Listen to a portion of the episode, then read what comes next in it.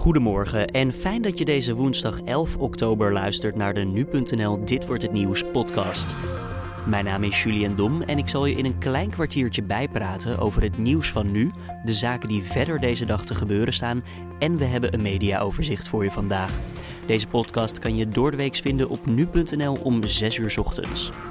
Zometeen aandacht voor de zoektocht naar de vermiste Anne en ernstig overgewicht bij kinderen wereldwijd. Maar eerst even het belangrijkste nieuws van dit moment. Arjen Robben zet een punt achter zijn interloopbaan. De 33-jarige aanvaller maakte het nieuws bekend na de wedstrijd tegen Zweden. Nederland won met 2-0, maar dat was niet voldoende om de hoop op deelname aan het WK in Rusland volgend jaar in leven te houden. Voor nu uh, stop ik ermee, uh, geef ik het stokje over. Ik denk dat het ook een goed moment is. Um, voor, uh, voor, de, voor de nieuwe jongens, de nieuwe generatie. En natuurlijk, zeg nooit nooit.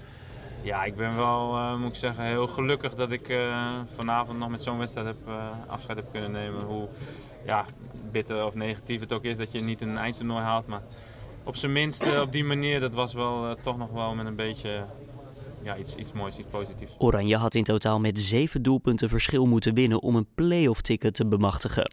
Beide doelpunten van gisteravond werden in ieder geval gemaakt door Robben. Daarmee staat hij in totaal nu op 37 goals voor Oranje. De Amerikaanse president Donald Trump heeft het congres gevraagd om een lening van 4,9 miljard dollar beschikbaar te stellen aan het gehavende eiland Puerto Rico. Het autonoom gebied binnen de Verenigde Staten gaat gebukt onder een schuldenlast van tientallen miljarden dollars. De lening is bedoeld om rekeningen te kunnen blijven betalen. Van alle Nederlanders die in 2016 niet genoeg verdienden om rond te komen, was 1 op de 10 een zelfstandige.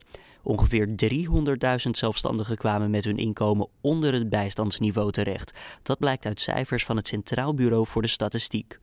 De Duitse luchtvaartmaatschappij Lufthansa heeft een akkoord gesloten over onder meer loon en pensioenen met de pilotenvakbond Vereinigung Cockpit.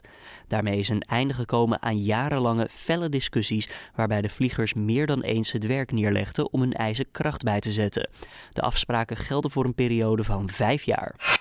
De Catalaanse president heeft dinsdagavond het regionale parlement gevraagd om de onafhankelijkheidswet op te schorten om zo het dialoog aan te kunnen gaan over de toekomst. Aanvankelijk werd gedacht dat de regionale president de onafhankelijkheid zou uitroepen in zijn lang verwachte toespraak. Dan kijken we naar de nieuwsagenda van deze woensdag 11 oktober. De 25-jarige Anne uit Utrecht wordt sinds 29 september vermist. Ze vertrok die vrijdag vanuit Rijnsweert met de fiets, stuurde tijdens haar fietsrit nog een selfie naar haar vriend, maar sindsdien ontbreekt elk spoor. Agenten hebben haar jas en fiets gevonden. Ook is vermoedelijk haar tas aangetroffen. Maandag werd een 27-jarige man uit Zeewolde aangehouden op verdenking van betrokkenheid bij de verdwijning. Hoe gaat de zoekactie er nu verder vandaag uitzien? Je hoort nu.nl-redacteur Joris Peters. Nou, de politie heeft gezegd dat zolang Anne zoek is, ze uiteraard naar haar zullen blijven zoeken.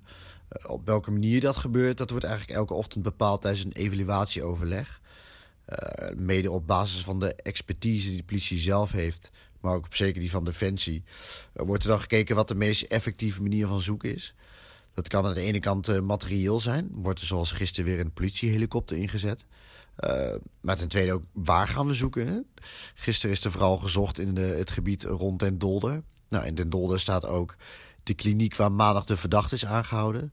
Uh, of daar vandaag ook weer verder wordt gezocht, is nog de vraag. Maar in de loop eh, van de dag zal dat duidelijk worden. En verder zijn er nog veel andere onduidelijkheden in deze zaak.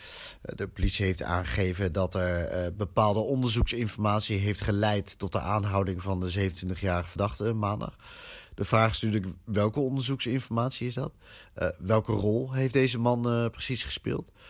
Um, ook is bekend dat de, dat de man zowel gisteren als eergisteren is gehoord door de politie. Um, de vraag is natuurlijk, wat is uit die voor gekomen? of we daar snel achter gekomen, dat is me de vraag. De man zit op dit moment in beperking. Dat um, betekent eigenlijk dat hij alleen contact mag hebben met zijn advocaat. maar ook dat de politie nauwelijks uh, onderzoeksinformatie naar buiten laat komen. Dus we zullen dat even rustig moeten afwachten. Waarschijnlijk wordt er wel deze week bepaald door het Openbaar Ministerie wanneer de verdachte wordt voorgeleid. En dan is het aan de rechtercommissaris om te bepalen of, of deze man uh, nog vast blijft zitten en zo ja, hoe lang. Ook de betrokkenheid bij de gemeenschap is enorm bij deze zaak. Je ziet dat onder andere aan de vele vrijwilligers die meezoeken naar Anne. Uh, maar daarnaast merk je ook dat, dat, dat erg uh, de vraag leeft bij de mensen van hoe kan het zijn dat een veroordeelde zedendelinquent nu al vrij kan rondlopen. nou, het is denk ik goed om te benadrukken dat deze man een verdacht is en zeker nog geen dader. Uh, en daarbij moet gezegd worden dat deze man uh, uh, in een psychiatrische kliniek zat. wat onderdeel was van zijn reïntegratietraject terug in de samenleving. Um, en daar hoort ook verlof bij. En welke vorm van verlof deze man had, dat is nog niet helemaal duidelijk. dat moet allemaal nog bekend worden. Um, en dan, dan pas kun je de conclusie trekken... zijn, zijn hier mogelijke fouten gemaakt. maar tot die tijd moeten we dat zeker nog even afwachten. Bij de berichtgeving over dit onderwerp op nu.nl noemen wij nooit de volledige naam van Anne. Waarom is dat eigenlijk? Uh, de reden dat wij daarvoor kiezen is toch een stukje privacy. Uh, mocht Anne nou worden gevonden en over vijf of tien jaar wordt haar naam gegoogeld... Uh, dan is deze in ieder geval niet in zijn volledigheid terug te vinden bij nu.nl. wij zijn ook niet naïef. Wij weten dat andere media wel haar volledige naam noemen. En ook de politie. Um, maar dat is voor ons geen reden om van dit beleid uh, af te wijken. Je hoorde Joris Peters over de zoekactie naar de vermiste Anne uit Utrecht. Om verder op de hoogte te blijven hierover kan je natuurlijk de hele dag op nu.nl kijken voor het laatste nieuws. Voetbalclubs Lisse en Hoek nemen opnieuw een penalty-serie in de eerste ronde van de KNVB-beker. De rechter oordeelde dat de serie over moet omdat de scheidsrechter per ongeluk het ABBA-principe hanteerde. Dat terwijl penalties om en om genomen moeten worden. Lisse won vorige maand met 5-4. De winnaar van de nieuwe penalty-serie speelt in de tweede ronde uit tegen Heracles Almelo. Op Coming Out Dag, die jaarlijks op 11 oktober plaatsvindt, wordt aandacht besteed aan het moment dat een homo, lesbienne, biseksueel of transgender openlijk voor zijn of haar seksuele voorkeur uitkomt. Coming Out Day wordt sinds 2009 in Nederland gehouden. In 1988 ontstond de dag in de Verenigde Staten. Sinds 2012 is het op 11 oktober Wereldmeisjesdag. Een belangrijke dag, want dagelijks worden miljoenen meisjes in ontwikkelingslanden achtergesteld, uitgebuit en gediscrimineerd, alleen maar omdat ze meisjes zijn. Op Wereldmeisjesdag vragen onder andere Plan Nederland met evenementen en acties nog eens extra aandacht voor deze meisjes. Een van die acties is een exclusief besloten concert in de Paradiso. Daar kan je genieten van echte girl power van onder andere Claudia de Brij, Lakshmi, Sabrina Stark en de vrouw die hier verantwoordelijk voor is, Giovanka. Wij vragen haar dan ook hoe kwamen jullie op het idee om zo'n concert te geven? Nou, we hebben vorig jaar op Wereldmeisjesdag um, hebben we een, een, een huiskamerconcert gegeven. Dat was onze eerste keer. En dat was eigenlijk om sponsoren en ook mensen die heel specifiek uh, in het kader van Wereldmeisjesdag die week in oktober geld hadden gedoneerd. Om die mensen eigenlijk uh, nou ja, te bedanken en in het zonnetje te zetten. Daar was het concert voor bedoeld. En het was heel intiem en heel gezellig. En toen hadden we zoiets van, nou, misschien moeten we het elk jaar gewoon uh, zo doen. Heel exclusief en akoestisch en elke keer op een andere plek. Giovanka wil mensen ervan bewust maken dat veel meisjes tegen barrières lopen, waardoor ze hun girl power niet kunnen ontwikkelen en eigenlijk ook geen toekomst hebben. En dat dingen die onze kinderen hebben, jongens en meisjes, maar in dit specifieke geval meisjes omdat, omdat die achtergesteld worden, dat dat, dat, dat uh, voor ons heel vanzelfsprekend is, maar dat is het voor heel veel mensen op deze wereld dus niet.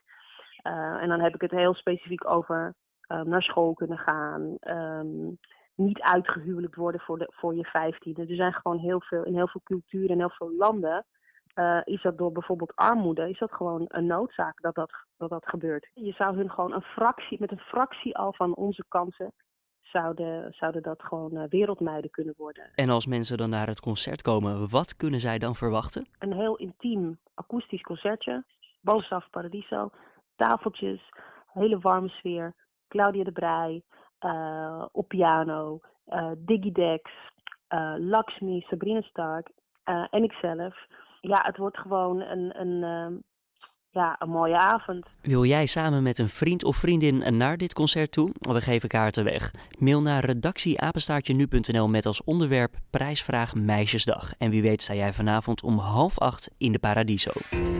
Dan kijken we nog even naar het mediaoverzicht voor vandaag. Het RIVM en het ministerie van Infrastructuur en Milieu gaan de milieurisico's van rubbergranulaat in kunstgrasvelden onderzoeken.